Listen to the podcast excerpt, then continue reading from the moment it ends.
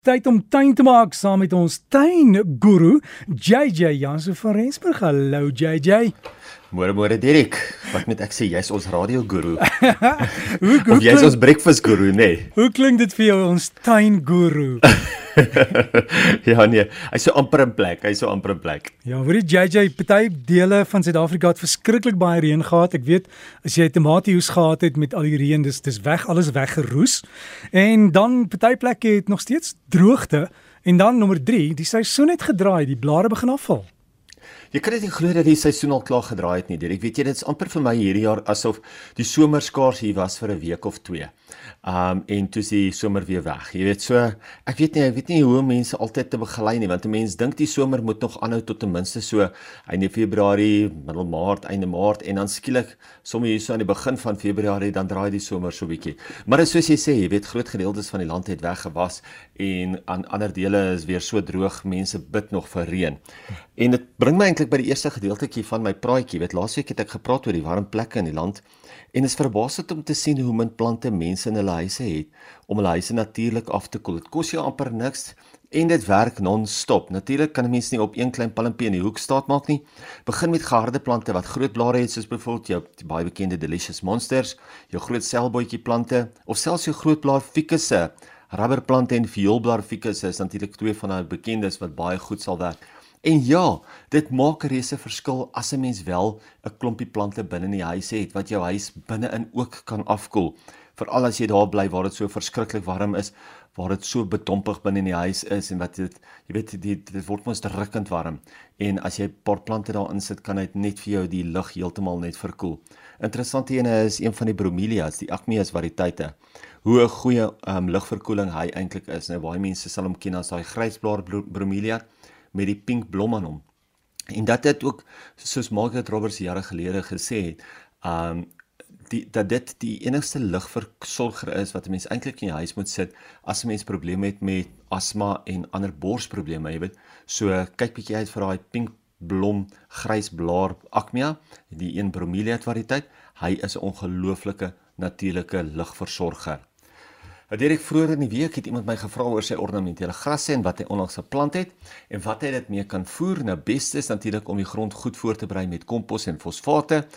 En dit geld nie net vir jou ornamentele grasse nie, dit geld vir alle plante. Fosfate kan mense inwerk deur beenmeel of superfosfaat in te gooi saam met die kompos. Nou onthou, fosfate moet fisies in die grond in die gat wees. Jy kan dit nie net boop strooi nie, dit doen dit werk nie so goed nie. As jy klaar geplant het en jy wil weer fosfate toedien, kan jy eenvoudige 232 strooi, liggies inwerk en in water en dis omtrent die maklikste manier om dan jou fosfate in die grond by die wortels te kry. Soos hulle groter word, kan jy ook oorskakel na 'n CW3 of 'n Grow Green. In die geval van die ornamentele grasse, struike kan jy dit ook mee doen, maar onthou as mense blomplante plant of van blomplante praat, dan wil mense eerder ietsie gebruik wat hoog is in kalium en daar gaan ons die 315 of die 815 gebruik. Maar onthou, begin nou eers met jou superfosfaat of jou beenmeel en dan kan jy natuurlik jou 232 gebruik soos hulle groter word en dan as jy wil meer blare of so ontwikkel, dan gebruik jy jou 73 of jou Grow Green. Dis Valentynsdag oormôre. Ja, een van die beste geskenke vir jou Valentyn bly maar blomme. 'n Roos is gewoonlik 'n wenner en wat nou beter as om 'n pragtige roos van jou keuse in 'n pot te plant en elke dag Valentyns te vier. Vra jy naaste ook kry om vir jou miskien die volgende rose te wys wat pragtige rooi rose is wat natuurlik pas by Valentynsdag en dit is jou Papa Meiland, jou Oklahoma, jou Best Red of selfs die Five Roses kan ongelooflik werk. As jy snyrose kry, en baie mense kry snyrose en hulle wonder altyd hoe kan dit langer hou? Nou as jy wil hê dit moet langer hou, gaan ek vir jou goue wenk of drie gee. Heel eers van alles sny mense stele so ongeveer 'n duim of wat korter. Jy brand die basis van die stingel met 'n kers vir so 10 sekondes. Jy maak hom vuurwarm en dan druk jy dit so gou as moontlik in yskoue water wat natuurlik met snyblomkos gemeng is.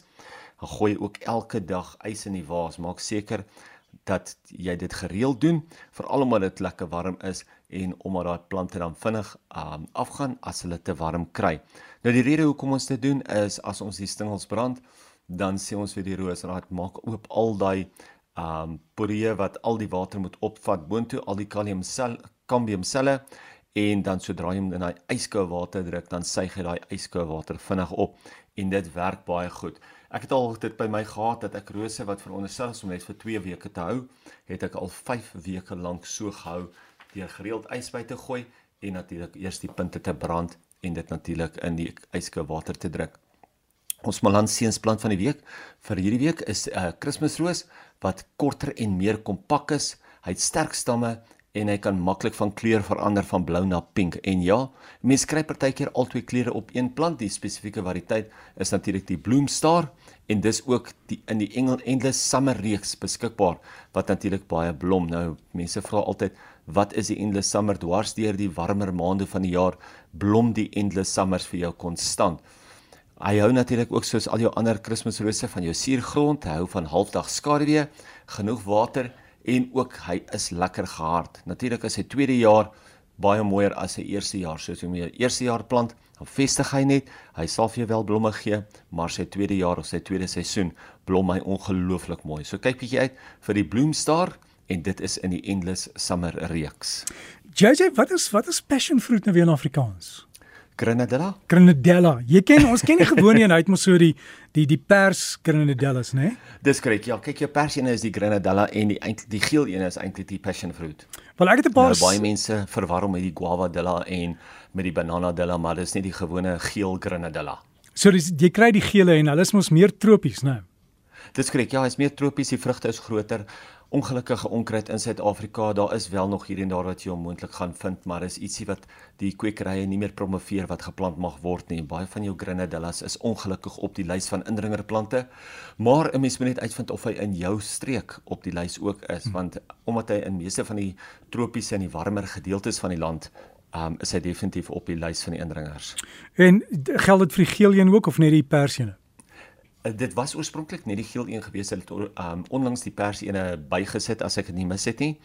Maar ja doen maar net navorsing gaan praat met die kwekery dat hulle net gou vir jou op die lyste kyk. Jep want ek het ek het 'n variëteit wat kom van Thailand af dink ek wat iemand vir my saadjies gegee het wat hulle ingevoer het wettiglik. Ja. en hulle het gesê hulle glo nie dit gaan opkom nie. En elkeen het opgekom. Sjoe Ja, kyk, hy groei eintlik ongelooflik maklik. Hulle dra ja. natuurlik baie maklik. Baie mense sê grinde, hulle staan op oomblik vol in vrug. Hulle is hulle gaan nou begin verkleur en so aan.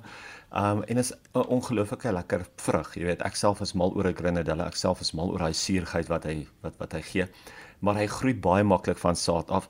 En dit is ook maar deels hoekom hy 'n uh, indringerplant is. Jy weet, as 'n indringer geklassifiseer is, So mense moet maar versigtig wees dat 'n mens daai ou vrugte eerder nie daar los nie, laat mense dit eerder wegvat, laat dit nie versprei word deur die voëls nie.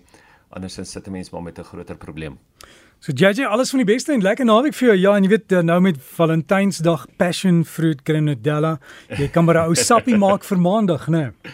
Ja nee, ek wonder nogal hoeveel mense sien die passion in die fruit daarso ook geraak. En wat is die ander een, die tomatie is mos die pomme d'amour, die die liefdesvrug.